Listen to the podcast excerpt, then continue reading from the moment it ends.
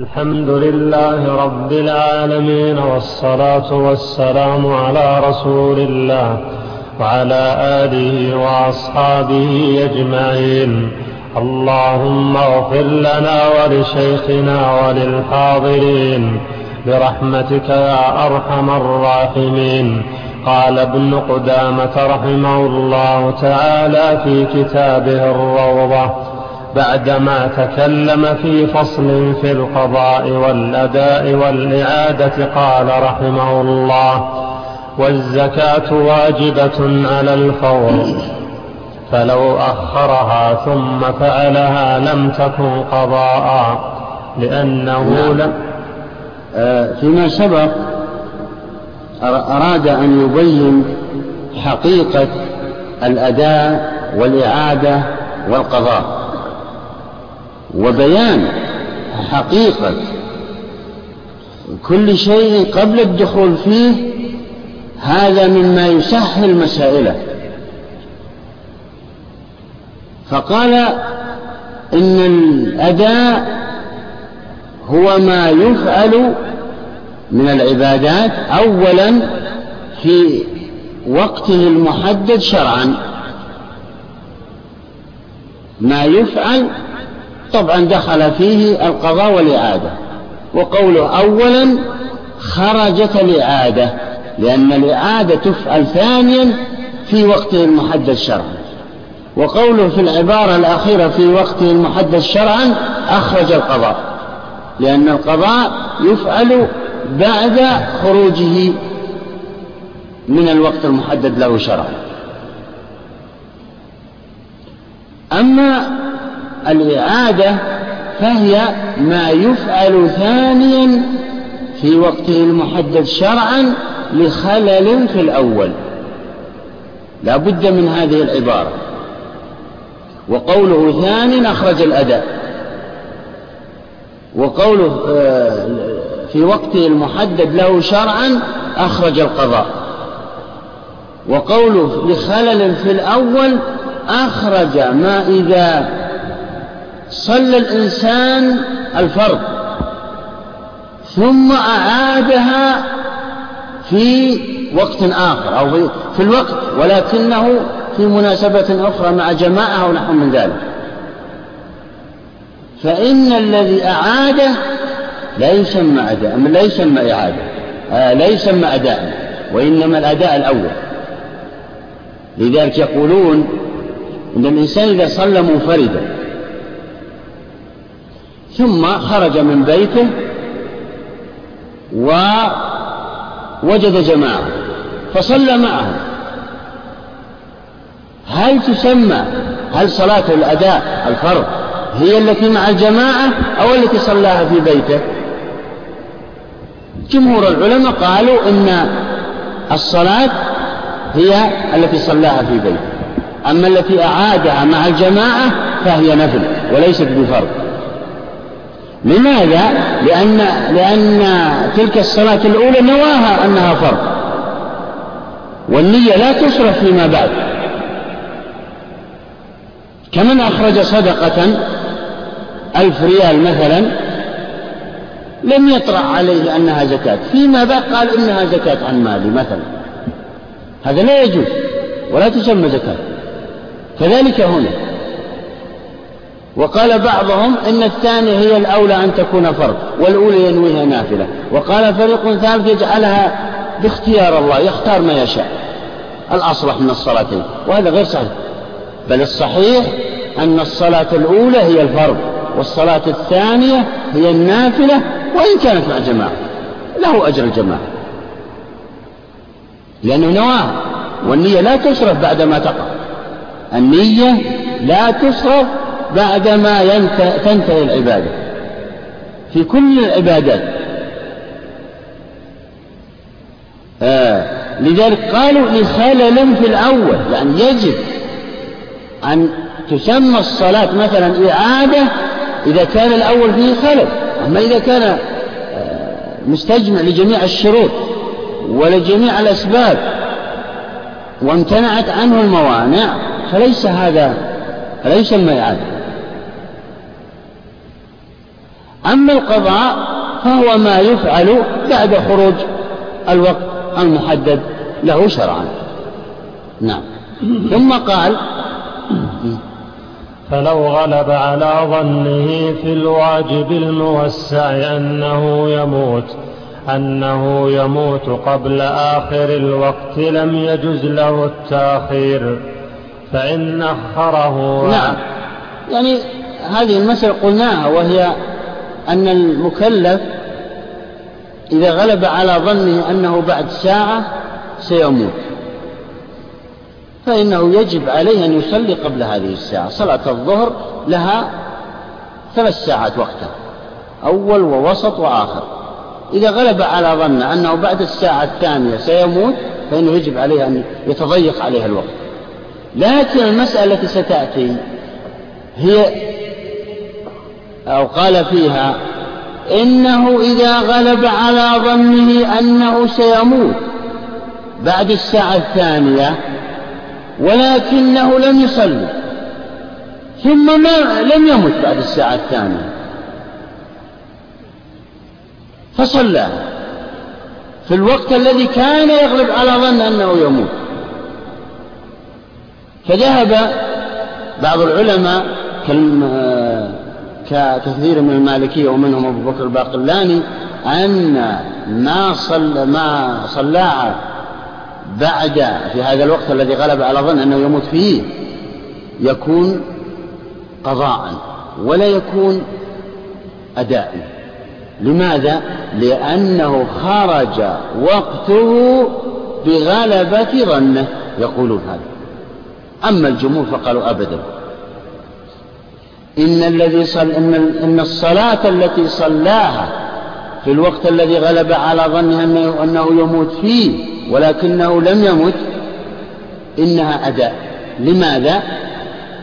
آه نظرا لتعريف الأداء. الأداء ماذا قال؟ هو الذي يفعل أولا في وقته المحدد له شرعا.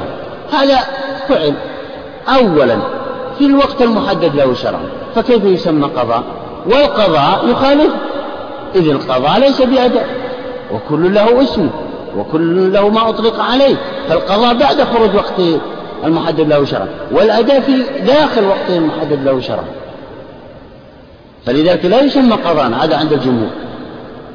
طبعا الخلاف له ثمرة وهو أن أنه لو قلنا بأنها أداء له أجر طبعا المؤدين في وقته المحدد له شرعا.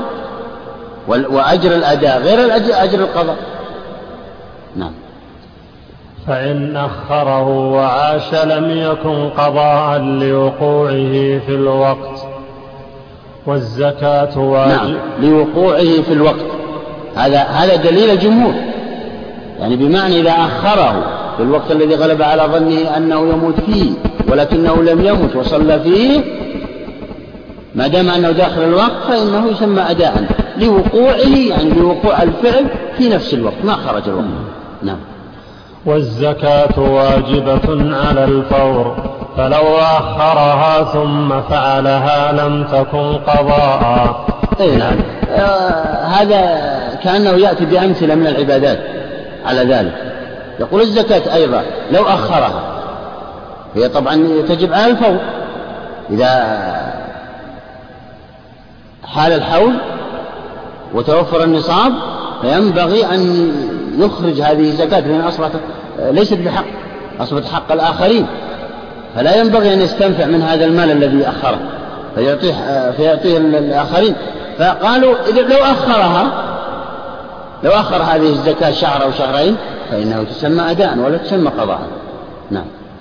والزكاة واجبة على الفور فلو أخرها ثم فعلها لم تكن قضاء نعم. لأنه لم يعين وقتها بتقدير وتعيين نعم لأنه لم يعين وقتها بمعنى أنها أن أن الزكاة لم يعين وقتها بالتحديد عند الشارع إنما ترك هذا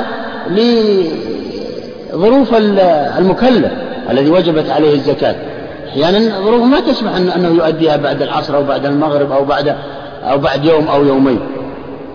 فلم تعين لها وقت. إنما قيل أنها تجب فورا. إذا بلغ النصاب وحال على المال الحول تجب فورا. فلا تسمى قضاء لو ولو أخرها. نعم. ومن لزمه قضاء صلاة على الفور فأخر. لم نقل إنه قضاء القضاء. نعم. إذا لزمه صلاة مثلا أو قضاء في عدد أيام من رمضان فإنه إذا أخرها عن يعني آه، وقته وقتها الذي تحسن ظروفه فيها فإنه لا نسمي ذلك قضاء القضاء. سمى قضاء فقط. نعم. فإذا فإذا اسم القضاء مخصوص بما عين وقته شرعا ثم فات الوقت قبل الفعل. نعم هذا لا زال الجمهور يريدون أن يقنعوا المخالفين في وجهة نظرهم. يعني بمعنى أنهم يقولون إن إذا غلب على الإنسان أنه سيموت بعد ساعة ولكن ولم يصلي ولكنه لم يمت ثم صلى في الوقت الذي غلب على ظنه الموت آه إنه أداء وليس بقضاء.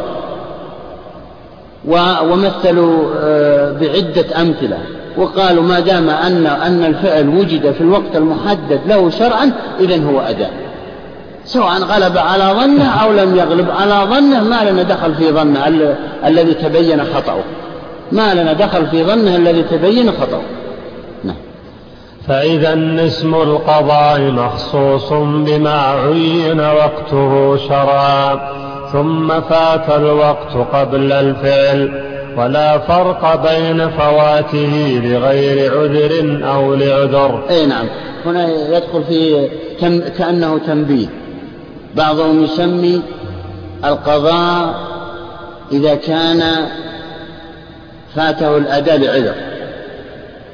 يقول إذا كان فاته الأداء لعذر كنوم أو نحو من ذلك أو مرض لم يمكنه الأداء في الوقت المحدد له شرعا آه، فإنه إذا خرج الوقت يقضي ويسمى قضاء. أما إذا خرج الوقت بدون عذر لا يسمى هذا قضاء يقولون. بل بل بعضهم يقول أبعد من هذا وهو أنه لا يصلي انتهى وقت وقت صلاته إذا لا يصلي واستدلوا بقولهم إنه ما حدد الشارع هذا الوقت من إلى إلا لأن الصلاة لا تصح إلا فيه. أما إذا صلى بعد خروج الوقت بغير عذر فإنه يصلي أو لا يصلي لن يحسب له شيء. وقاسوه على إيش؟ وقاسوه على الحج في الأوقات. يقول كما أن الحج لا يصلح إلا في تلك الأمكنة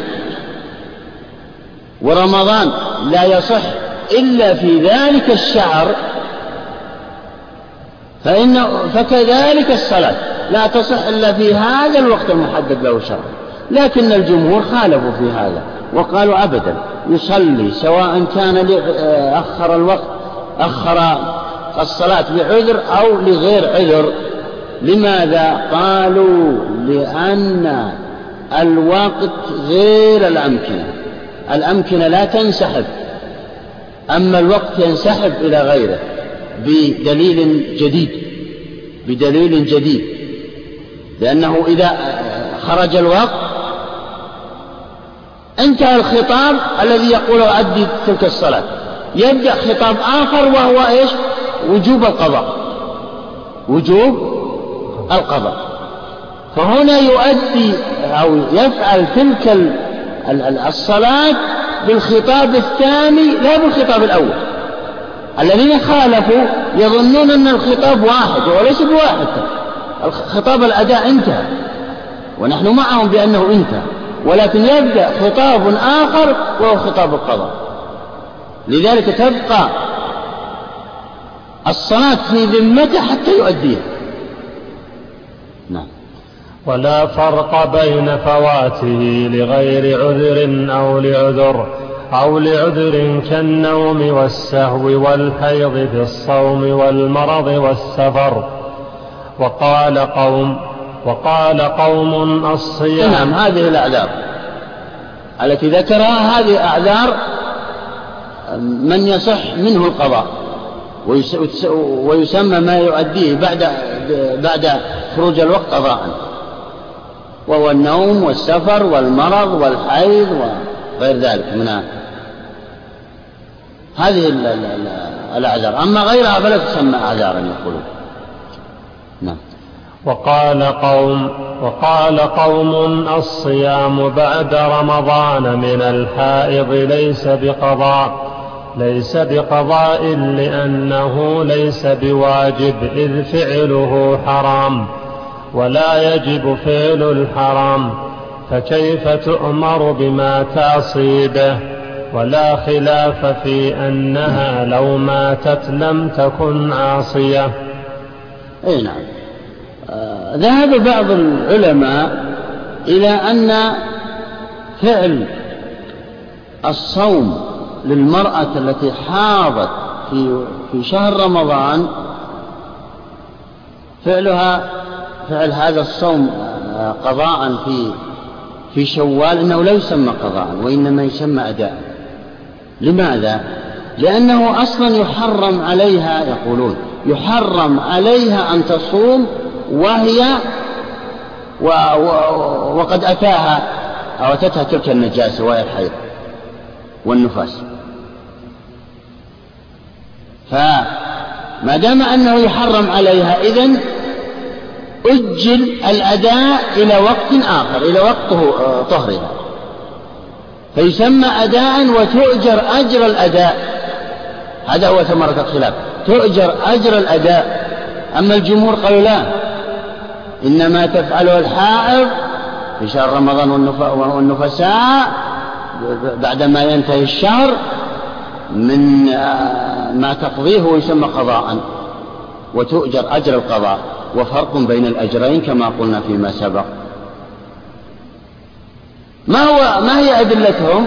هؤلاء لهم دليلهم الدليل الأول قالوا إنه يحرم عليها كما قال هنا يحرم عليها أن تصوم وهي متلبسة بذلك أو بتلك النجاسة. لأن تلك النجاسة وهي الحيض أو خروج الدماء لا تناسب تلك. لا تناسب الصلاة التي اشترط لها الطهارة. ولو صلت لأثمت لو صلت وهي حائض أو نفساء لأثمت وما دام الأمر كذلك وما دام الأمر كذلك إذا تأسي إذا صلت. وما دام الأمر كذلك إذا يكون الأداء قد أجل عليه. لأنه ليس من فعلها يقولون. القضاء قد يكون من فعل الإنسان أو تأخير الصلاة إذا كان غير حائض أو نفساء الإنسان الذكر. قد يكون من فعله لكن هذا ليس من فعله. من فعلها. أما الدليل الثاني فقالوا أجمع العلماء على أنه لو ماتت قبل أن تقضي تلك الأيام لم لم تكن آه، عاصية. ولا تسمى عاصية. لأن ما أتاها من الدماء ليس من فعلها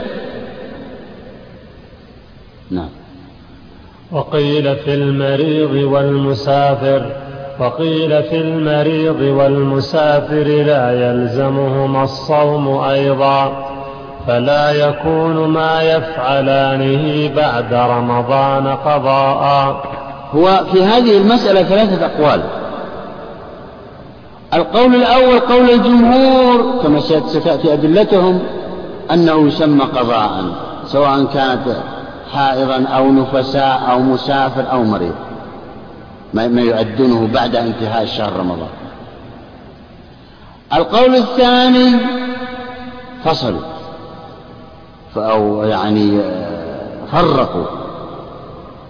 قالوا إنما تؤديه المرأة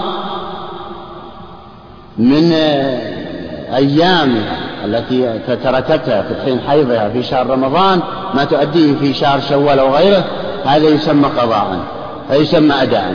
أما ما يؤديه المسافر والمريض بعد انتهاء السفر وبعد الإقامة هذا يسمى قضاء. وما سبب هذا التفريق؟ قالوا إن للدليلين السابقين. وهو أن أن المرأة تفترق عن المسافر والمريض. أن المرأة أتاها الحيض ولا يمكنها أن تصوم وهي في تلك الحالة لأن لأنها تعصي فيه لأن لأن لأن ذلك محرم عليه. أما وأنها وأن العلماء أجمعوا على أنها لو ماتت لا تعصي. لكن المريض والمسافر لا يختلف يختلف. ليس من فعل قد أو أو يمكنه أن يؤخر السفر هذا المسافر. في وقت آخر. ولكنه لم يؤخره. إذا قضاء. يجازى بأن ما يفعله قضاء تقل يقل أجره عن أجر المؤدي وحمل على المريض محملة أو قياسا عليه. أما الفريق الثالث فيقولون كلهم الحائض والنفساء والمريض والمسافر إذا قضوا ما عليهم من أيام فاتت من الصيام فإنها تسمى أداء ولا تسمى قضاء. وقاسوا المريض والمسافر على المرأة الحائض والنفساء ولا فرق قال. نعم. أما الجمهور فقالوا إنه قضاء للجميع. نعم. وقيل في المريض والمسافر لا يلزمهما الصوم أيضا. فلا يكون ما يفعلانه بعد رمضان قضاء وهذا فاسد لوجوه ثلاثة. أي نعم. يعني بمعنى أنه لا يسمى ما يؤديه هؤلاء الأربعة قضاء بل هو أداء يعني لهم أجر الأداء. أما الجمهور فقالوا هذه كلها فاسدة. جميع هؤلاء الأربعة إذا قضوا الصوم فإنه يسمى قضاء وأجرهم أجر القضاء لأمور. الأول.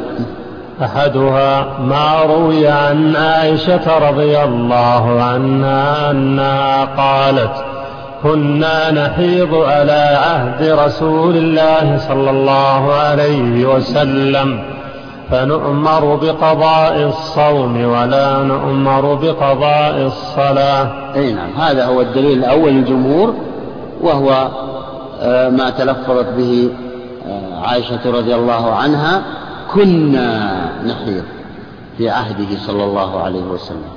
فنؤمر بقضاء فسمته قضاء والقضاء غير الأداء القضاء له له حقيقته والأداء له حقيقته. من هذا المنطلق يجب أن أن تعرف حقائق الأمور قبل الدخول في المسائل إذ لو تعمقت في مسائل فن من الفنون ولكن لم تعرف حقيقته فإنه ستختلط عليك الأمور وستخطئ أكثر من أن تصيب فالحقيقة حقيقة الأمر والتفريق بينه وبين ما يشابهه هذا من أهم الأمور. وزبدة العلم هي علم الفروق. زبدة العلوم الشرعية واللغوية وغير ذلك هي علم الفروق. وهو الفرق بين هذا وذاك. والفرق بين كذا وكذا. ولن تعرف حقيقة الشيء إلا إذا فرقت بينه وبين ما يشبهه. أبدا فرق وهذه قاعدة معروفة عند العلماء. لذلك تجدونهم أو أكثرهم إذا بدأ بتصنيفه ومؤلفه تجدهم يبدأون بالتعريفات ويفرقون بينه وبين الشيء الآخر. فهذا الأمر لا يفوتكم. زبدة. العلم هو علم الفروق. إن لم يعرف الإنسان الفروق بين الحقائق, سيختلط, سيختلط أمره وسيفني عمره بالحفظ وفي كل شيء لكن لن يفلح. إلا في القرآن. سيتعبد بتلاوته فقط. نعم. آه ماذا قلنا؟ قال كنا نؤمر بقضاء الصوم ولا نؤمر بقضاء. طبعا الصحابي إذا قال كنا نؤمر فإنه ينصرف هذا إلى أمره صلى الله عليه وسلم. وهذا وهذا اصطلاحا آه، آه، يقوله المحدثون دائما. يصرف إلى أمره صلى الله أمر الشارع يعني. ولا, ولا يصرف إلى أمر أمر ولاة الأمر بعد النبي صلى الله عليه وسلم. نعم. والآمر بالقول خاصة إذا قال كن إذا قال الصحابي. أما إذا قال التابع لا يختلف الأمر. إذا قال التابع كنا نؤمر هذا يختلف كانوا يأمرونهم الصحابة. أما إذا قال الصحابة كنا نؤمر فإنه هنا احتمالان احتمال أن أن الأمر صدر من بعض الولاة ومن بعض رؤساء الصحابة والاحتمال الثاني وهو القوي أنه صدر من النبي صلى الله عليه وسلم. فرجح العلماء أنه أن هذا يصرف إلى أمره صلى الله عليه وسلم. نعم. لأنه هذا الكلام ردا على من قال بأن أن قول عائشة هذا ليس بحجة لأنهم يمكن أمرها أو أمرهم آه، عمر أو أبو بكر أو غير ذلك من الأمور. لم يصدر ليس بحديث. لكن الجمهور قالوا هذا يريد أن يثبت أن هذا حديث. له حكم الرفض. نعم. والآمر بالقضاء إنما هو النبي صلى الله عليه وسلم على ما نقرره فيما يأتي. نعم على ما نقرر سيأتي. آه صيغ الرواية للأحاديث آه معروفة. خمس صيغ ذكرها المصنف في باب السنة. إذا قال مثلا قال النبي صلى الله عليه وسلم ما الذي يفهم من ذلك؟ أو قيل أو أو سمعت النبي صلى الله عليه وسلم أو أخبرنا أو نبأنا أو أنبأنا. فرق بين نبأنا وأنبأنا كما قال الأصوليون. آه، أو كنا نفعل أو كانوا يفعلون أو كنا نؤمر. كل صيغة لها آه، فائدة ولها آه، معنى يختلف عن الآخر. وأنا قلت لكم لا يمكن أن تتيقن من علمك لفن من الفنون إلا أو لعلم من العلم إلا إذا عرفت الفروق بين مصطلحات. نعم. الثاني أنه لا خلاف بين أهل العلم في أنهم ينمون القضاء. أي نعم. يعني بمعنى أن الأول السنة. القولية نقول السنة القولية التي قالته عائشة لأنه الأمر صدر من النبي صلى الله عليه وسلم. الثانية الإجماع. القاعدة الثانية أو الدليل الثاني الإجماع. حيث أن الذين يقضون ما فاتهم كانوا ينوون القضاء. وكانوا يتكلمون ويتلفظون بلفظة القضاء. ويقول نريد أن نقضي. إذا فاتهم الشيء. ما يقول نريد أن نؤدي. نعم. الثالث. ولم يرد منكر على هذه هذا. إذ لو ورد لا روي لنا ولنقل إلينا. لكن لم يرد شيء من ذلك. نعم. الثالث.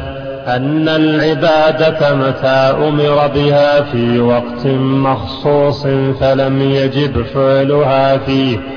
فلم يجب فعلها فيه لا يجب بعده؟ أي نعم. إن الشارع إذا أمر بأمر وحدد له وقتا معينا فإن الأداء مخصوص في هذا الوقت المحدد. وهذه فائدة تحديد الوقت.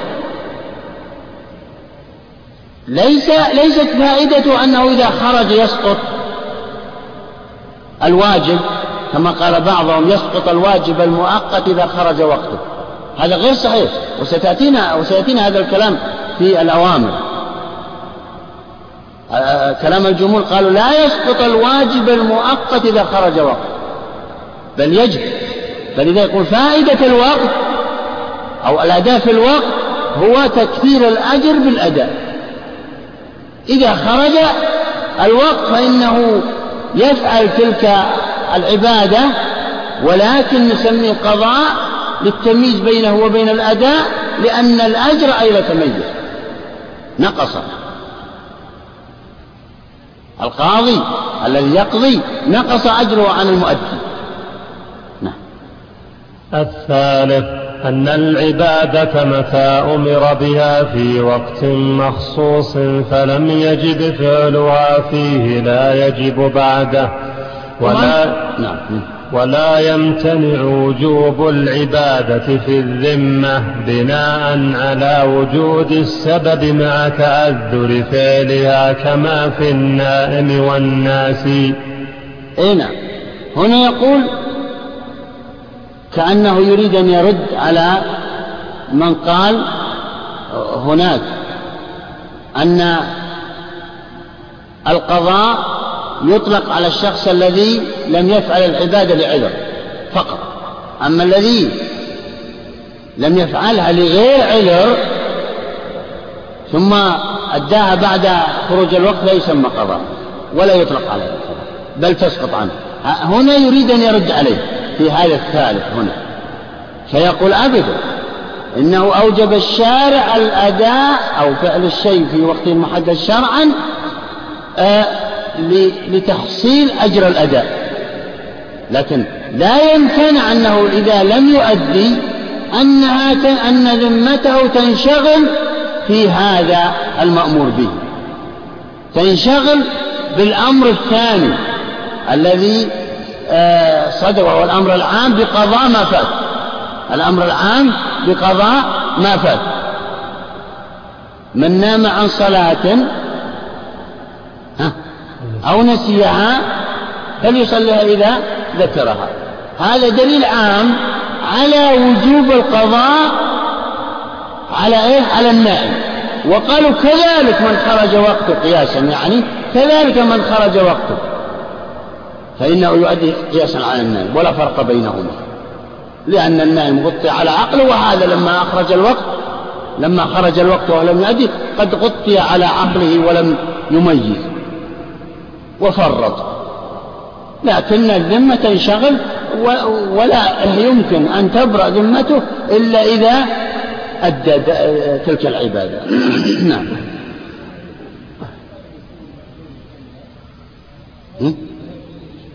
ارفع صوتك ارفع صوتك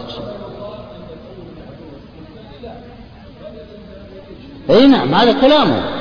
ومنهم ابن تيمية ومنهم بعض العلماء. قالوا إن الأول معذور فيسمى قضاء والثاني غير معذور إذا لا حتى قال بعضهم أنه لا تحسب له صلاة لا يقبل له شيء وهذا غير صحيح. حقيقة الجمهور قالوا أبدا غير صحيح لأنه إذا خرج الوقت صحيح أن الوقت محد أن العبادة محددة بوقت معين. قالوا لم يحدد هذا الوقت إلا لأن الصلاة والعبادة لا تصح إلا فيه. كما قلنا لكم قياسا على الحج. قالوا نعم نحن معكم الجمهور. قالوا معكم أنه محدد ولا تصح العبادة إلا في هذا الوقت. ولكن إذا خرج الوقت انتهى الخطاب الأول. بدأ خطاب آخر وهو عام وهو قضاء ما فات. قضاء من شغلت به الذمة. فيكون له أجر. نعم. وكما في المحدث تجب عليه الصلاة مع تعذر فعلها منه في الحال. أي نعم. يعني المحدث إذا دخل الوقت تجب عليه الصلاة وتنشغل ذمته في, في تلك الصلاة. لا تبرأ ذمته إلا إذا صلى. وكيف يصلي؟ يتوضأ ثم يصلي. كذلك هذا يقولون إذا خرج الوقت ولم يؤدي تلك الصلاة فإن الذمة تنشغل. فإن الذمة تنشغل لا تبرأ ذمته إلا إذا قضاها. ولا فرق بينهما. بجامع انشغال الذمة بذلك المأمور فيه بذلك المأمور به. نعم. وكفى وكما في المحدث تجب عليه الصلاة مع تعذر فعلها منه في الحال وديون الآدميين تجب على المعسر مع عجزه عن ندائها. اي نعم هذا مثال آخر أيضا يريد أن يقيس عليه يريد أن يقيس مسألتنا عليه وهي أن الشخص المدين المعسر تجب هذه هذا الدين يجب على في ذمته لكنه معسر لكن ليس معنى أنه معسر أنها تسقط لا تسقط تنشغل ذمته في في ذلك الدين. طول عمره ولا تبرأ ذمة إلا إذا أدي عن لو مات حتى بعد موت لكنه لا يأثم بعدم أداء الإعسار. كذلك هنا لا يمكن أن أن يسقط ذلك الشيء بخروج وقته يقولون خروج الوقت. ليس بمسقط للواجبات أبدا بل تتعلق أو تنشغل ذمته فيه. ثم يقوم دليل عام على القضاء فيقضي نعم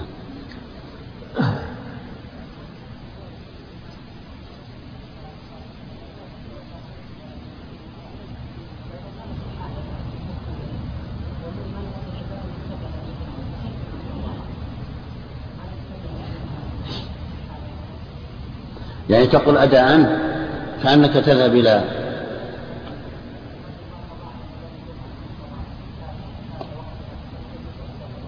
لا لا العلماء إذا تكلم الأصوليون والمجتهدون والفقهاء في هذه المسائل فإنهم يقصدون ما يهم وينفع المكلف في دنيا وآخرته ما لنا دخل بالألفاظ. لذلك تجدون تجدون الأصوليون كالأصوليين كالإمام الشافعي والأئمة الأربعة وغيرهم توصلوا إلى فوائد مما ذكره اللغويون أكثر مما توصل إليه اللغويون أنفسهم. لماذا؟ لأنهم جمعوا بين إيش؟ بين الشريعة واللغة. بين فهم الشريعة واللغة. فهم يقصدون إذا سمي قضاء معنى أنه ينقص أجر عن الأداء. وهذا إذا كنت تذهب إلى ما قالوا وهو وجيه ترى أدلتهم وجيهة. خاصة في الحائض والنفساء لأنه تعسي لو صامت. كيف تصوم وهي منهية عن الصوم؟ وهي فيها وجاهة لكن آه، قول الجمهور آه، أكثر أكثر وجاهة. نعم يلا فصل فصل في العزيمة والرخصة. العز هذا آخر أنواع الحكم الوضعي حيث أنه ذكر فيما سبق الشرط والسبب والمانع والعلة والصحة والفساد والأداء والإعادة والقضاء والآن.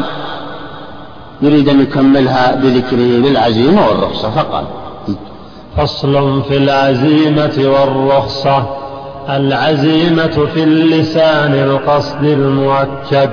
ومنه قوله تعالى ولم نجد له عزما وقوله تعالى فإذا عزمت فتوكل على الله والرخصة السهولة واليسر ومنه, ومنه رخص السعر إذا تراجع وسهل الشراء فأما في عرف حملة نعم.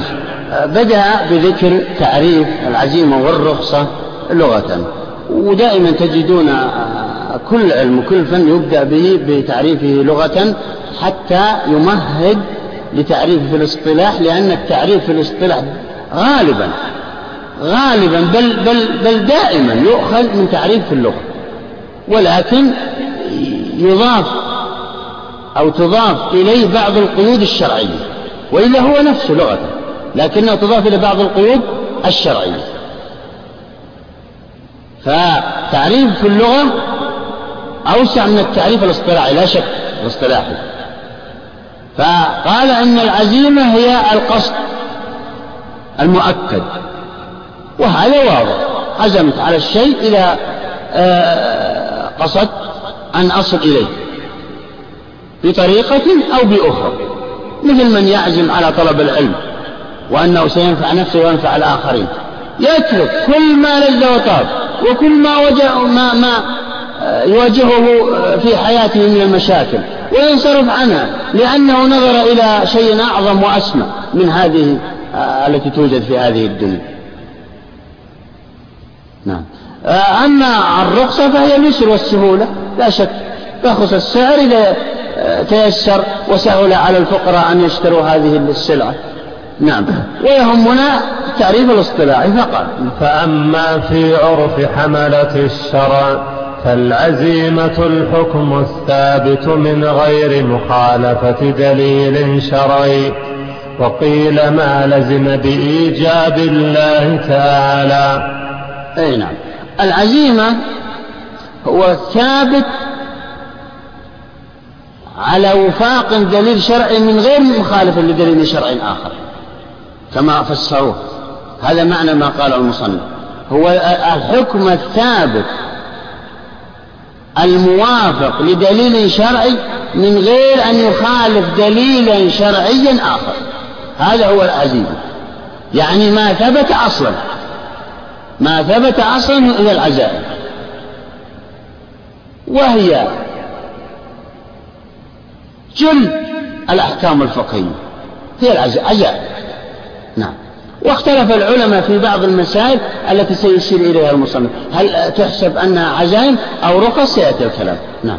والرخصة استباحة المحظور مع قيام الحاضر. وقيل ما ثبت على خلاف دليل شرعي لمعارض الراجح. نعم. استباحة المحظور مع قيام الحاضر. مثاله سيأتينا الظاهر أن الرسول صلى الله عليه وسلم نهى عن بيع المزابنة. وأبيحت العرايا. فهنا العرايا محظورة أصلا في أصل الشرع. محظورة. العرايا هي أن يبيع التمر على رؤوس النخل بخرسه تمرا بشرط لا يزيد عن خمسة أوسق وهذا معروف. هنا استبيح هذا الحكم مع أنه محظور أصلا لأن النبي صلى الله عليه وسلم قد رخص فيه وقال ورخص في العرايا طبعا لعدة وهو حاجة هذا الفقير الذي يأكل الناس تمرا جديدا أو رطبا جديدا وهو يأكل تمر قديم فأباح له أن يبيع هذا التمر القديم على المزارع ويعطيه المزارع نخلة قائمة في فيها التمر. وفسرت بتفسير آخر وهو أن أن المزارع يتأذى يبيع نخلة ثم يتأذى من دخول المشتري هو وقومه إليها ويقول له أنا سأشتري منك هذه النخلة بخرصه تمر ولا تقف عليه. نعم.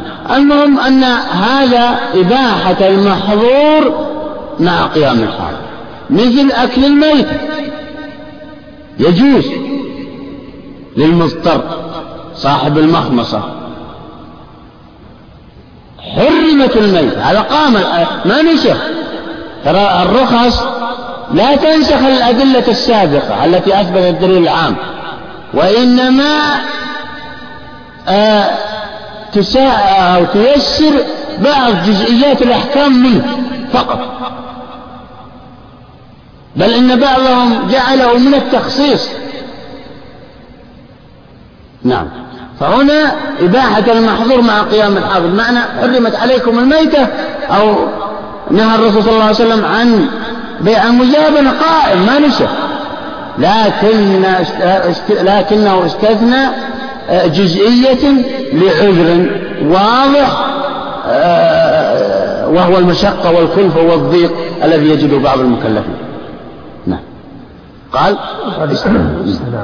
والرخصة استباحة المحظور مع قيام الحاضر.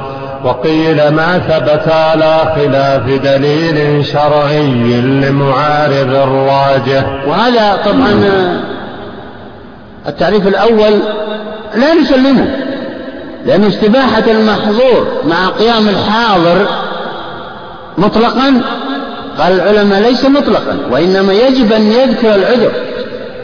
ليس الاستباحة الشارع يستبيح بعض الأمور هنا تناقض يحصل إذا وهذا غير صحيح لم نرد من الشارع التناقض.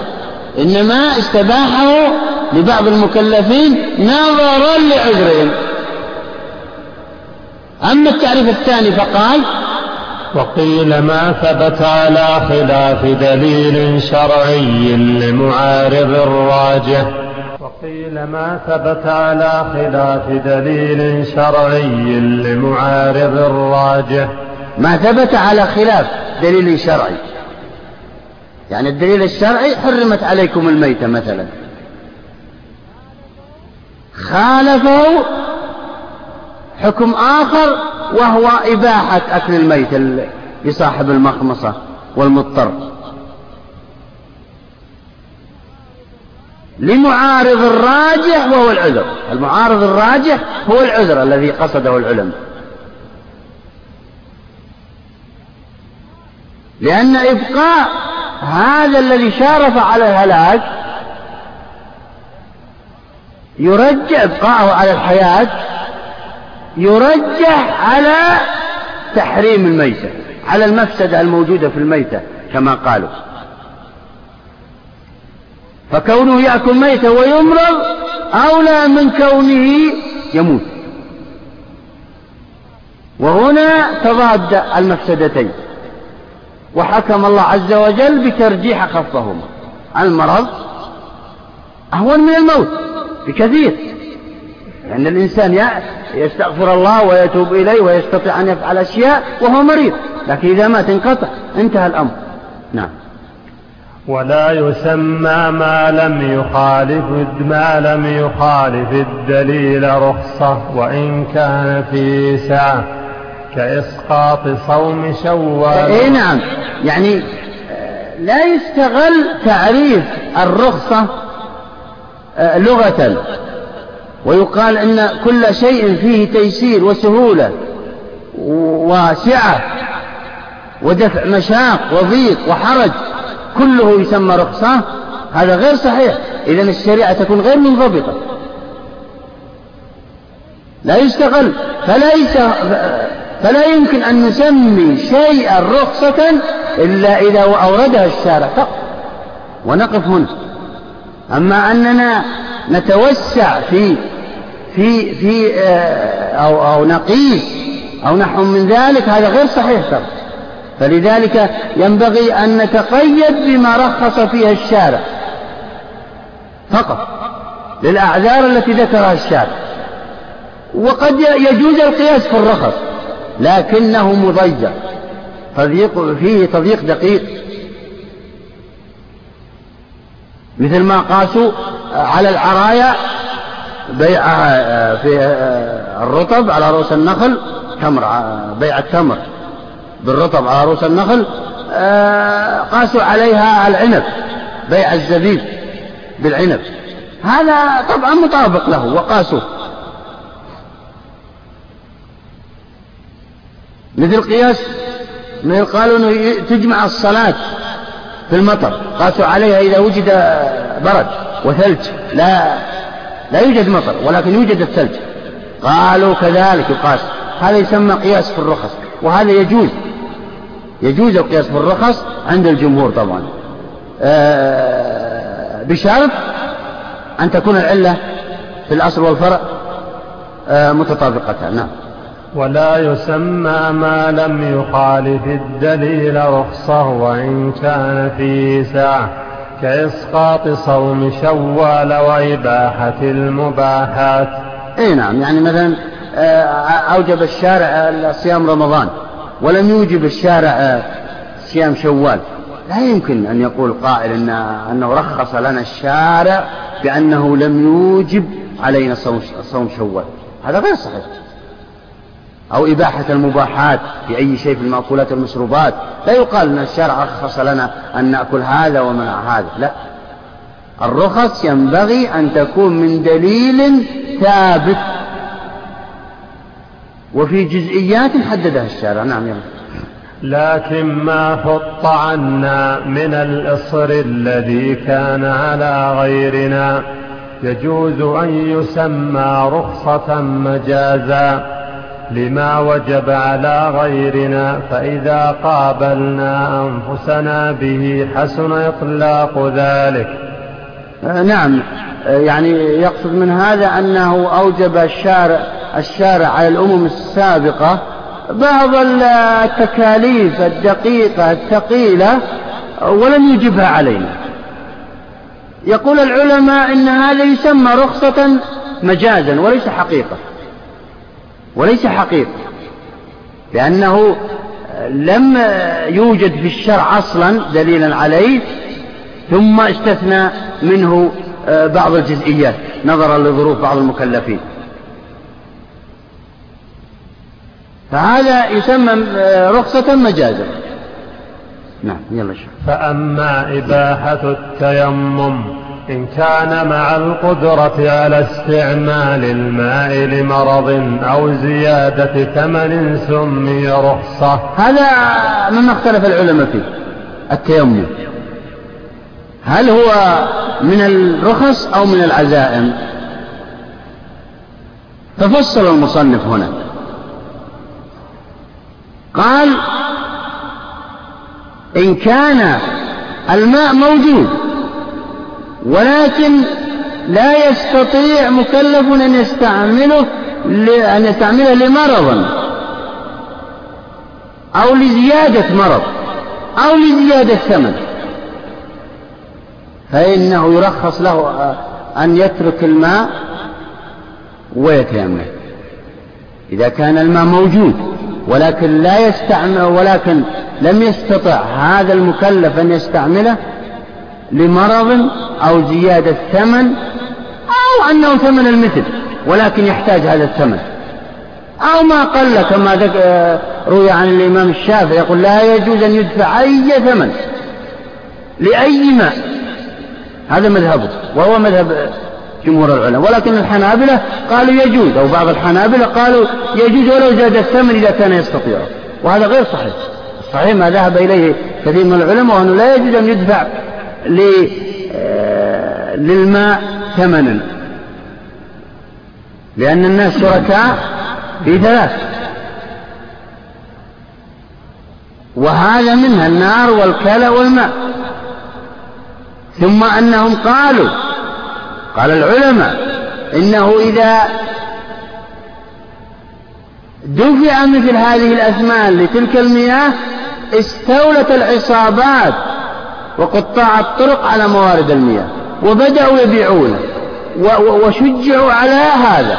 ثم ذهب المسلم ذهب المسلمون غنيمة لهؤلاء. هكذا ذكر الإمام الشافعي في مقاصده في مقاصد هذا الحكم.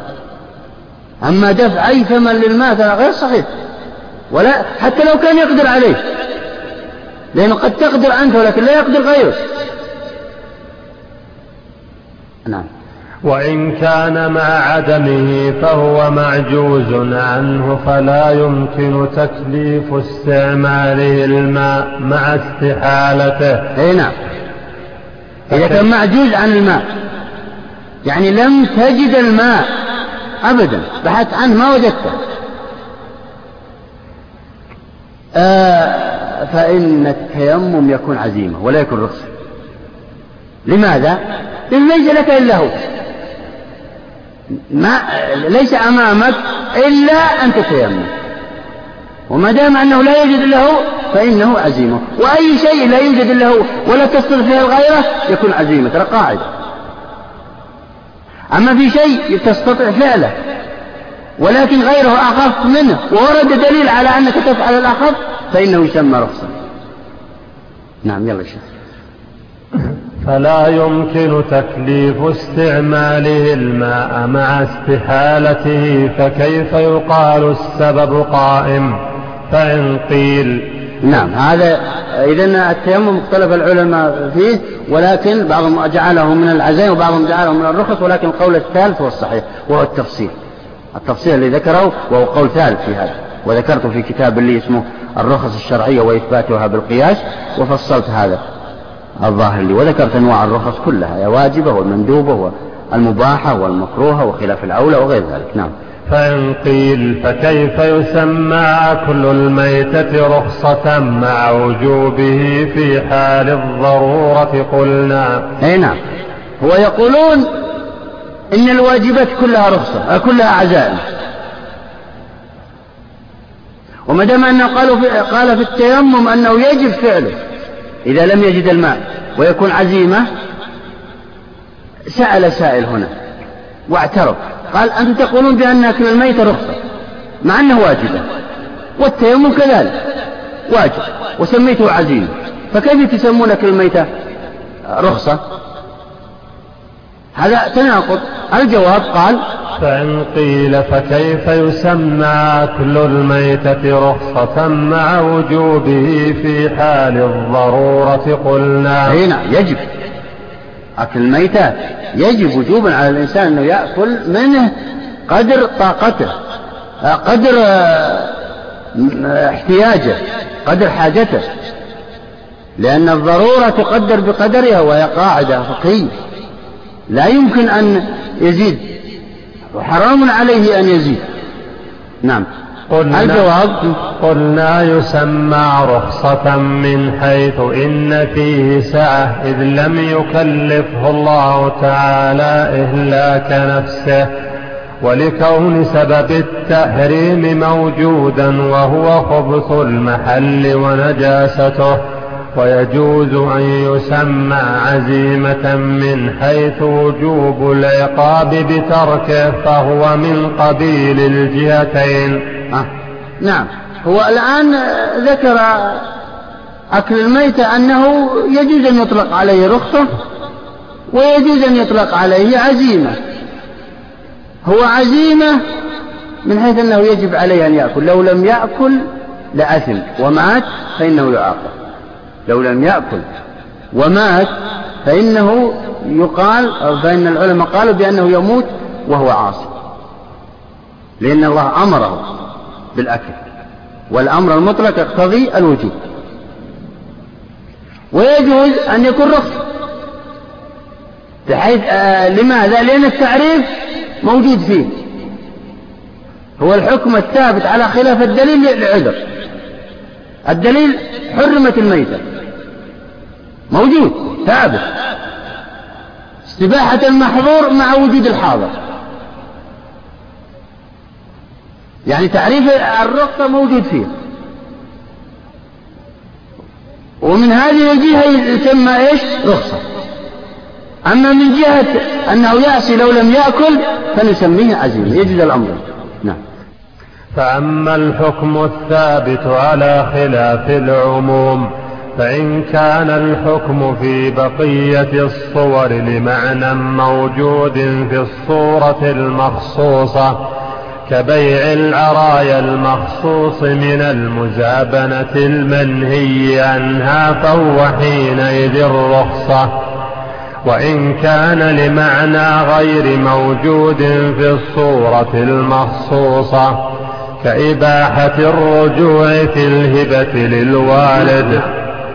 آه هو الآن يتكلم عن مسألة هل التخصيص أو تخصيص بعض الجزئيات في الحكم وإخراجه عن بعض العموم هل هي كلها رخصة أو رخص؟ مثل مثلا آه حرمت عليكم الميتة آه ثم رخص في الجراد في ميتة الجراد والسمك أحل لنا ميتة ودمان. هل يسمى هذا من الرخص؟ المخصصات. إذا الرخص آه كثيرة جدا إذا كان الأمر كذلك. المصنف يقول لا ليس على إطلاقه هذا. وإن في تفصيل. إن المخصصات أحيانا تكون لعذر وأحيانا تكون لغير عذر نعلمه فالذي لعذر يكون رخص. والذي ليس لعذر وإنما لدليل لم نعلم العذر نحن لم نعقل فإنه لا يكون رخص يكون يكون مخصص يعني مخرج.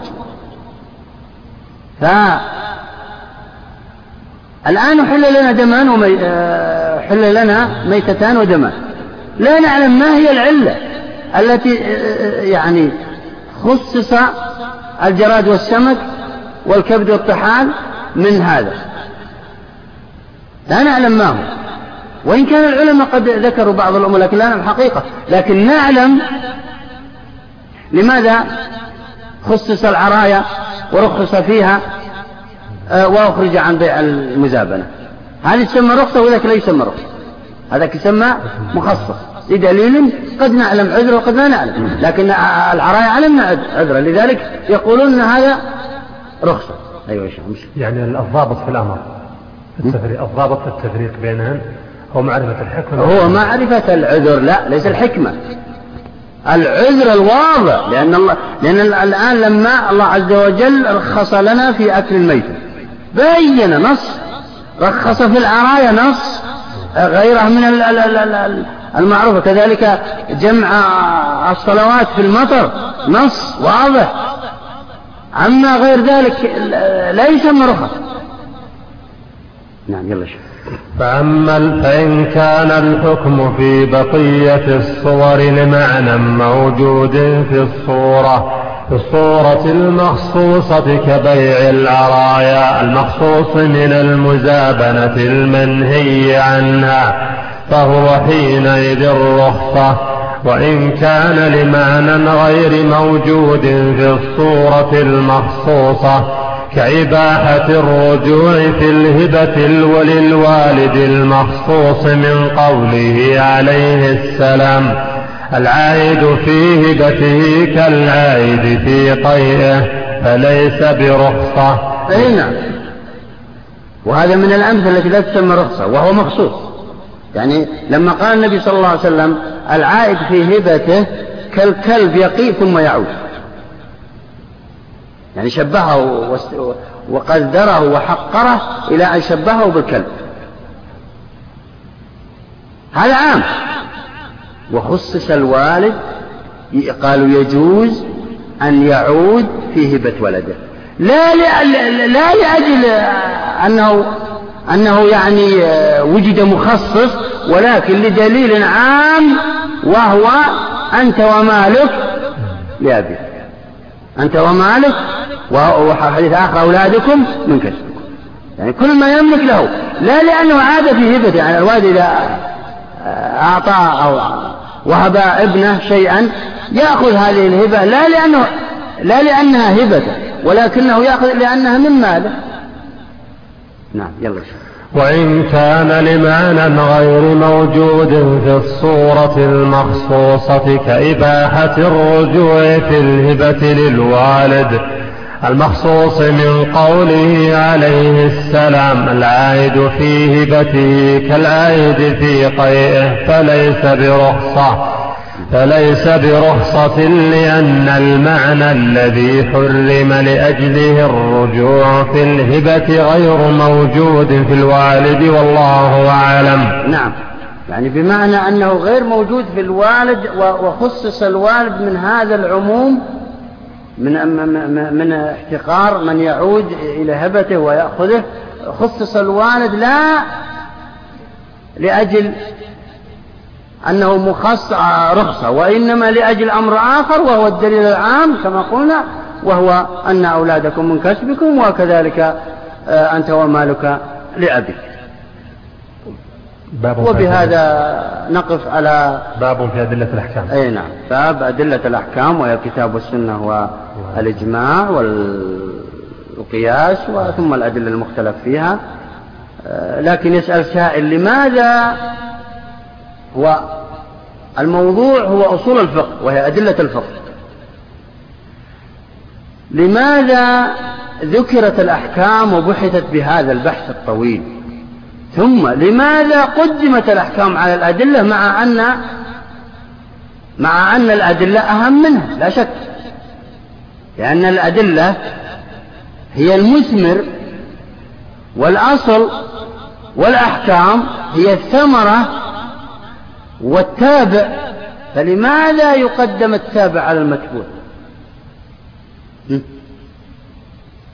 قالوا لبيان أهمية الأدلة التي سنقدم عليها بمعنى أن ذكر هذه الأحكام السابقة والتي فصلنا في الكلام عنها كتمهيد للدخول في الأدلة.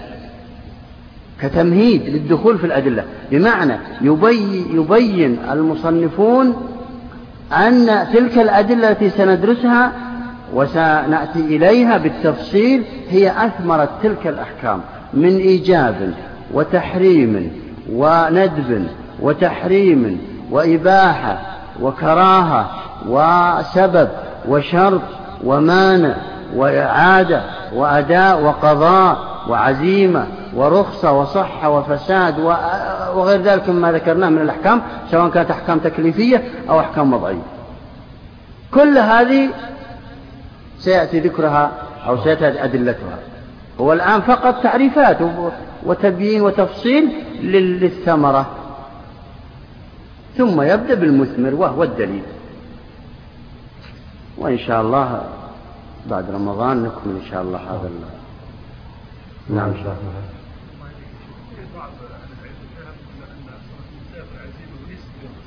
ما؟ آه ما هي ما هي؟ المسافر شو؟ المسافر عندهم عزيمة ونسبة رخصة لأن الأصل صلاة المسافر. آه. من حديث عائشة رضي الله عنها. وما هو الراجح في هذه القصر؟ نعم. قصر الصلاة هي صدقة تصدق الله بها عليكم. فاقبلوا صدقة. من هذا المنطلق قالوا بأنها رخصة من الله عز وجل. ثم تكلموا هل إذا يجب لو دققنا في الأمر فاقبلوا. الأمر مطلق والأمر المطلق يقتضي الوجوب. يجب أن نقبل ويجب أن نقبل فتكلم العلماء بهذا سيأتينا إن شاء الله في بعض الأدلة وسنفصل إن شاء الله. صلى الله على نبينا محمد وعلى آله وصحبه أجمعين. بسم الله. والحمد لله. والصلاة والسلام على رسول الله. نبدأ آه، بما وقفنا عليه قبل رمضان وهي أدلة الأحكام. طبعا سبق أن بين المصنف رحمه الله آه، بارك الله الأحكام الشرعية. فذكر الواجب والمندوب والمباح والمكروه والحرام والسبب والشرط والمعنى والصحة والفساد والعزيمة والرخصة والأداء والإعادة والقضاء. هذه الأحكام الشرعية. هذا هذا مجمل الأحكام الشرعية الموجودة في الفقه الإسلامي. لكن لا يمكن أن يثبت أي حرام أو أي واجب أو أي مباح أو مندوب أو أي سبب أو أي شرط إلا بدليل معتبر ورد فيه الكتاب والسنة. إما إرادا خاصا يعني دلالة خاصة أو دلالة عامة كالأدلة المختلف فيها. لا بد من دليل. والمصنف بدأ بالأدلة فقال نعم. بسم الله الرحمن الرحيم. الحمد لله رب العالمين والصلاة والسلام على رسول الله وعلى آله وأصحابه أجمعين. اللهم اغفر لنا ولشيخنا وللحاضرين برحمتك يا أرحم الراحمين. أما بعد قال الإمام ابن قدامة رحمه الله تعالى في كتابه الروضة باب في أدلة الأحكام. الأصول أربعة كتاب الله تعالى وسنة رسوله صلى الله عليه وسلم والإجماع ودليل العقل المبقى على النفي الأصلي. نعم. المصنف بدأ بالأدلة المتفق عليها وهي الكتاب. طبعا يقال المتفق عليها إجمالا ولا يقال المتفق عليها مطلقا. وهي الكتاب والسنة والإجماع والاستصحاب.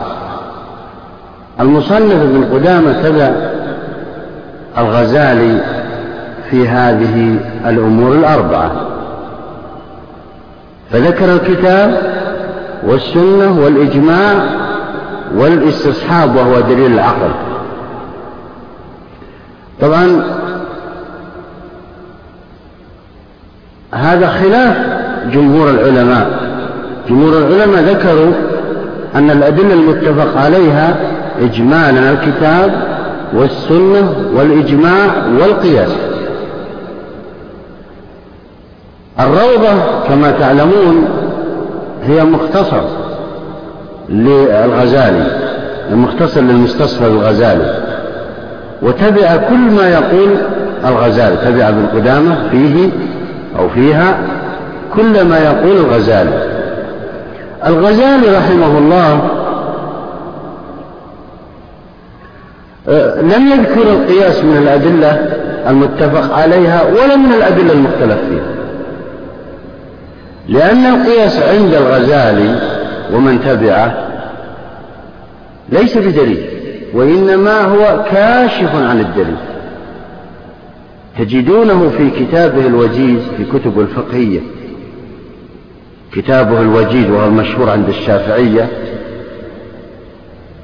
يقول ودل على ذلك دليل كشف عنه القياس أو دلنا عليه القياس. يقول هذا النص لا يقول دليلنا القياس.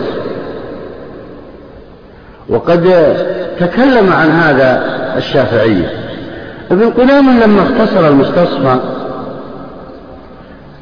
مشى على ما مشى عليه الغزالي ولكنه في المغني لما جاء في الفروع الفقهية يقول ابن قدامة يعني ودليلنا القياس. أو دل على هذا القياس أو لنا القياس على كذا. طبعا بهذا خالف ابن قدامة ما كتبه في الروضة.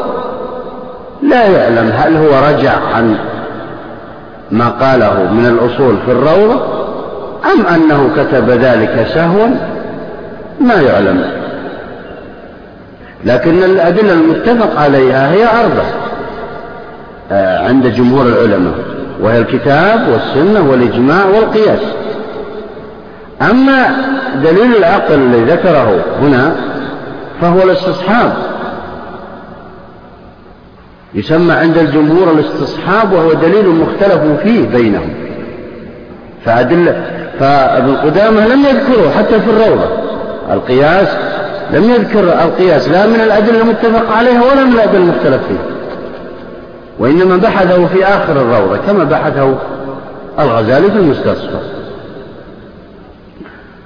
ذكر الرابع هنا ودليل العقل المبقي على النفي الأصلي هذا نوع من أنواع الاستصحاب المتفق عليه. لأن براءة الذمة من التكاليف هذا يسمى براءة الذمة. أو يعبر عنه بعضهم بتعبير آخر آه إن عدم الدليل دليل على عدم الحكم. وهذا كثير ما يعبر عنه آه المالكية والحنابلة. إن عدم, إن عدم الدليل دليل على عدم الحكم وهو المقصود بهذا. ما ذكره المصنف هنا وهو دليل العقل المبقي على النفي الأصلي. بمعنى لم يرد دليل في هذه المسألة. إذا نستصحب ما سبق من إباحة أو تحريم. لأن الاستصحاب ما هو؟ هو بقاء ما كان على ما كان حتى يأتي دليل يغير الحال. فهذا نوع من أنواع الاستصحاب كما سيأتي إن شاء الله. نعم. واختلف في قول الصحابي وشرع من قبلنا وسنذكر ذلك إن شاء الله تعالى. إيه نعم. هو ذكر الأدلة المتفق عليها عنده وهي الأربعة الكتاب والسنة المتفق عليها إجمالا. لماذا قلنا إجمالا؟ لأنهم اختلفوا في جزئياتها. اتفقوا على أصل الإجماع على أنه حجة. لكن اختلفوا في في الإجماع السكوتي هل هو حجة أو ليس بحجة هل يسمى إجماعا أو لا يسمى إجماعا. اختلفوا في إجماع أهل المدينة اختلفوا في في إجماع الخلفاء الأربعة في إجماع الأئمة الأربعة في إجماع العترة في إجماع أهل الكوفة في إجماع أبي بكر وعمر. اختلفوا في هذه هذه تسمى إجماعات خاصة نعم كذلك القياس اختلفوا كذلك السنة اختلفوا في حجية الحديث المرسل. والمشهور اختلفوا فيه. هل هو يعتبر متواتر فهو قطعي وهو يعتبر آحاد فهو ظني. كما بين الحنفية والجمهور اختلفوا في القياس في كثير من جزئيات القياس. لكن يقال المتفق عليها إجمالا. نعم. وأصل الأحكام. نعم وذكر هنا من الأدلة المختلف فيها آه، اثنين. شرع من قبلنا وقول الصحابي. وهناك ذكر أربعة. وهو قول الصحابي وشرع من قبلنا والمصلحة المرسلة والاستحسان طبعا الأدلة المتفق عليها المختلف فيها كثيرة. منها هذه الأربعة ومنها العرف سواء كان عرف عام أو عرف خاص ومنها الاستقراء والتتبع ومنها سد الذرائع لم يذكر المصنف ومنها الاستدلال بالتلازم ذكره واعتمده كثير من الحنفية وغير ذلك مما سيأتي ذكر إن شاء الله. نعم. وأصل الأحكام وأصل الأحكام كلها من الله سبحانه. إذ قول الرسول صلى الله عليه وسلم إخبار عن الله بكذا والإجماع يدل على السنة. وإذا نظرنا إلى ظهور الحكم عندنا فلا يظهر إلا بقول الرسول صلى الله عليه وسلم فإننا لا نسمع الكلام من الله تعالى ولا من جبريل عليه السلام وإنما ظهر لنا من رسول الله صلى الله عليه وسلم والإجماع يدل على أنهم استندوا إلى قوله. نعم. هو الآن يبين أن أصل الأدلة هو الكتاب. يعني جميع الأدلة المتفق عليها والمختلف فيها هي مأخوذة من الكتاب. لذلك وصف الله عز وجل الكتاب بأنه تبيانا لكل شيء. ما فرطنا في الكتاب من شيء. يعني أي شيء أي آه، آه، حادثة لا بد أن تخرجوا حكمها من الكتاب. لكن هل هو إخراج مباشر أو غير مباشر؟ هذا هو الذي يبينه الآن. يقول إن الكتاب دل على أن بعض الأشياء أدلة تصلح أدلة وهذه الأدلة دلت على أحكام الحوادث. فأولا الكتاب دل على أنه حجة من الآيات المعروفة وأن النبي صلى الله عليه وسلم معجز وأن النبي صلى الله عليه وسلم بين أنه المعجز الأمة وهذا واضح. خطاب الله مباشر لنا. كما سيأتي في تعريفه. أما السنة فلا يمكن أو لا يجوز للصحابة لمن عاشروا النبي صلى الله عليه وسلم أن يأخذوا بأي كلمة يقولها النبي صلى الله عليه وسلم إلا لما رأوا أن الكتاب يأمر بأن نأخذ بأقواله وأفعاله. ما أتاكم الرسول فخذوه وما نهاكم عنه فانتهوا. أطيعوا الله وأطيعوا الرسول. إلى آخر الآيات الكثيرة التي لا تعد ولا تحصى تدل على حجية السنة. فحجية السنة مأخوذة من الكتاب. لذلك أي حكم من الأحكام يقال دل عليه السنة بطريق مباشر وبطريق غير مباشر دل عليه الكتاب. كذلك الإجماع. إجماع الإجماع إجماع الأمة إجماع علماء الأمة على أنه حجة. ما أخذ به العلماء إلا لما استقرأوا كتاب الله. ومن يشاقق الرسول من بعد ما تبين له الهدى ويتبع غير سبيل المؤمنين. هذه أعظم آية دلت على حجية الإجماع. بمعنى أن سبيل المؤمنين كما سيأتينا إن شاء الله هو الحق فيجب أن تتبعوه إذا اجتمعوا على شيء أو أجمعوا على شيء لأن العصمة معهم أما من شذ فهو شذ في النار. كذلك الأحاديث الأحادية الكثيرة اللي دلت على حجية الإجماع. ومن شذ شذ في النار آه لا تفارق أو من فارق الأمة قيد شبر. إلى آخر الأحاديث. وعليكم بالسواد الأعظم.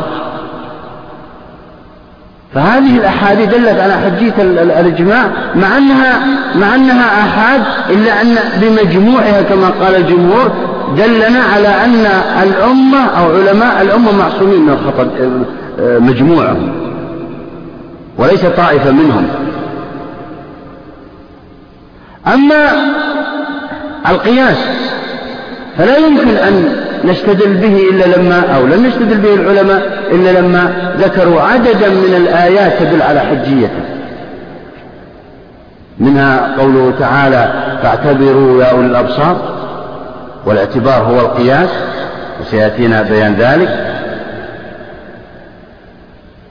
ومنها أن الله يأمر بالعدل والإحسان يقولون إن العدل يدل على القياس لأن القياس هو إلحاق المثل بالمثل. والمماثلة هي المعادلة آه، لعلمه الذين يستنبطونه منهم. أيضا استدل به الشافعي آه، ابن سريج هذه الآية على أن القياس حجة. يقول أن كلمة الاستنباط تدل على المشقة في استنباط حكم الحادثة ولا يمكن أن ينقدح في الدين آه، استدلال فيه مشقة إلا القياس. وهكذا. الأحاديث. حديث معاذ أجتهد رأيي ولا آله الصحابة رضوان الله عليهم استدلوا بالقياس وهذا يسمى إجماع الإجماع السكوتي على حجية القياس كما سيأتينا. إذا جميع الأدلة جميع الأدلة التي غير القرآن دل عليها القرآن على النحج ولو لم يدل عليها القرآن لما أخذنا بها. نعم. هذا بيان آه، أن جميع الأدلة ترجع إلى أصل واحد وهو القرآن. كذلك الأدلة المختلف فيها. أخذناها من أخذها الجمهور من مفهوم آيات عامة دلت على أن أن المصلحة حجة أن قول الصحابي حجة أن أن آه، الاستحسان حجة أن الاستصحاب حجة أن شرع من قبلنا حجة. يعني مجموع آيات ومجموعة أحاديث ومجموعة آثار من الصحابة وإجماعهم طبعا حجة مجموعة آثار دلت على أن تلك الأدلة المختلف فيها حجة. لمن أخذ بها طول وهكذا. نعم. يريد في هذا الفصل أن يبين أن القرآن هو الأصل الأول لجميع الأدلة. فلذلك بعضهم يقول في سؤال من الأسئلة آه، إن الله عز وجل تبيانا لكل شيء ما فرطنا في الكتاب من شيء ومع ذلك لا نجد, لا نجد آه، كثيرا من الأحكام في القرآن. نجدها في السنة أو في إجماع العلماء أو في الأقيسة نقول لا أنها في القرآن. إن القرآن دل عليه ولكن دلالة غير مباشرة. دل على حجية القياس أو السنة أو الإجماع والقياس دل على حجية آه، دل على أن هذا الحكم يؤخذ به أو لا يؤخذ به. وهذا لا يعرفه إلا المجتهدون. بمعنى أن دلالة القرآن على جميع الشريعة وجميع ما يفعله الإنسان من آه، من دقائقه وأعماله الخاصة والعامة دل عليها القرآن. ولم يفرط في القرآن؟ الله عز وجل في شيء من الأشياء. أصول يعني بمعنى أن أصول الأحكام وأصول الأدلة في القرآن وغيرها. تبع. إذ لولا القرآن لما استدلنا بالقياس ولا بالسنة ولا بالإجماع ولا بالأدلة المختلفة لا لكن إذا لم نحرر النظر وجمعنا المدارك صارت الأصول التي يجب فيها النظر منقسمة إلى ما ذكرنا. نعم. يقصد من هذا أن أن الأدلة ترجع كلها إلى أصل واحد وهو الكتاب. لكن آه، من باب التقسيم والتفهيم للآخرين وشرح هذه الشريعة للمجتهدين آه، قسمنا الأدلة إلى تلك الأمور. لذلك تجدون كتب المتقدمين لا يقسمون هذه التقسيمات. أبدا ترى. تجدونها مجملة. لأن نظروا الشريعة كإجمال. لكن بعد ذلك بدأوا يقسمونها لأن الناس فسدت أفكارهم وبعد بدأوا يعني آه، تختلط عليهم الأمور لاختلاط اختلاطهم بالعجم وغير ذلك مما قالوا. ولانشغالهم في الدنيا. بدأوا يرتبون وينظمون. آه، لذلك لما رأى الإمام الشافعي رحمه الله أن الناس يريدون هذه الأصول وهم بحاجة إليها وأن كل إمام له أصول خاصة وأن كل إنسان يدافع عن أصله ألف كتابا اسمه الرسالة وهذا خاص في أصول الفقه. للدفاع عن هذا ولأجل أن يبين أن هناك قواعد أصولية في خاصة بالأدلة ينبغي أن يتتبعها أي إنسان يريد أن يصل إلى درجة الاجتهاد. ثم بعد ما ألفها الإمام الشافعي هذا الكتاب جاء الآخرون وبدأوا يفسرون ويوضحون ويشرحون ويدخلون أشياء كثيرة هي خدمة لهذا الفن. كالنحو وغيره من الفنون. لم يصنف إلا بعد المئة الثالثة. نعم. فصل وكتاب الله سبحانه هو كلامه. وهو القرآن الذي نزل به جبريل عليه السلام. نعم هذا طبعا آه، بدأ الآن بالأول وهو الكتاب يريد أن يبين بعض المسائل التي آه، ذكرها العلماء. فقال الكتاب هو كلام الله. طبعا كلام الله اللفظي. وسيأتي إن شاء الله تعريفه بالتفصيل. لكنه يقول إن الكتاب هو القرآن لأن اختلف العلماء في هذه المسألة. ولكن الحقيقة الذي اتفق عليها المعتد بأقوالهم أن الكتاب هو القرآن. إذا قيل الكتاب العهدية تنقدح لا ينقدح فيها إلا الكتاب. وهو القرآن.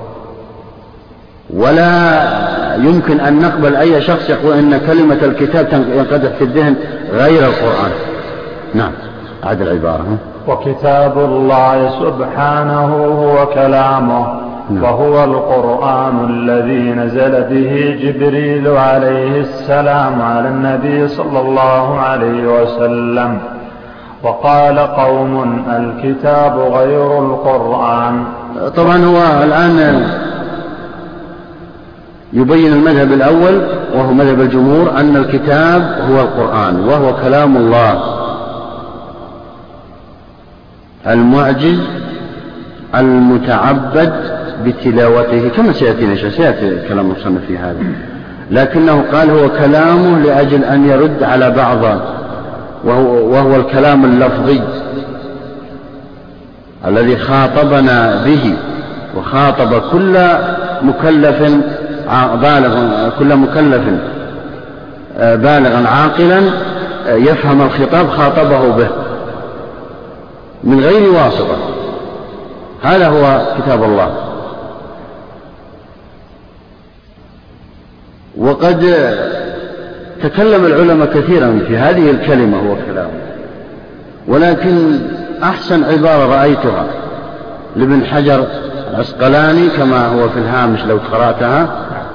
قال ابن حجر في الرسائل والمسائل في التعليق على قول ابن قدامة وكتاب الله سبحانه وكلامه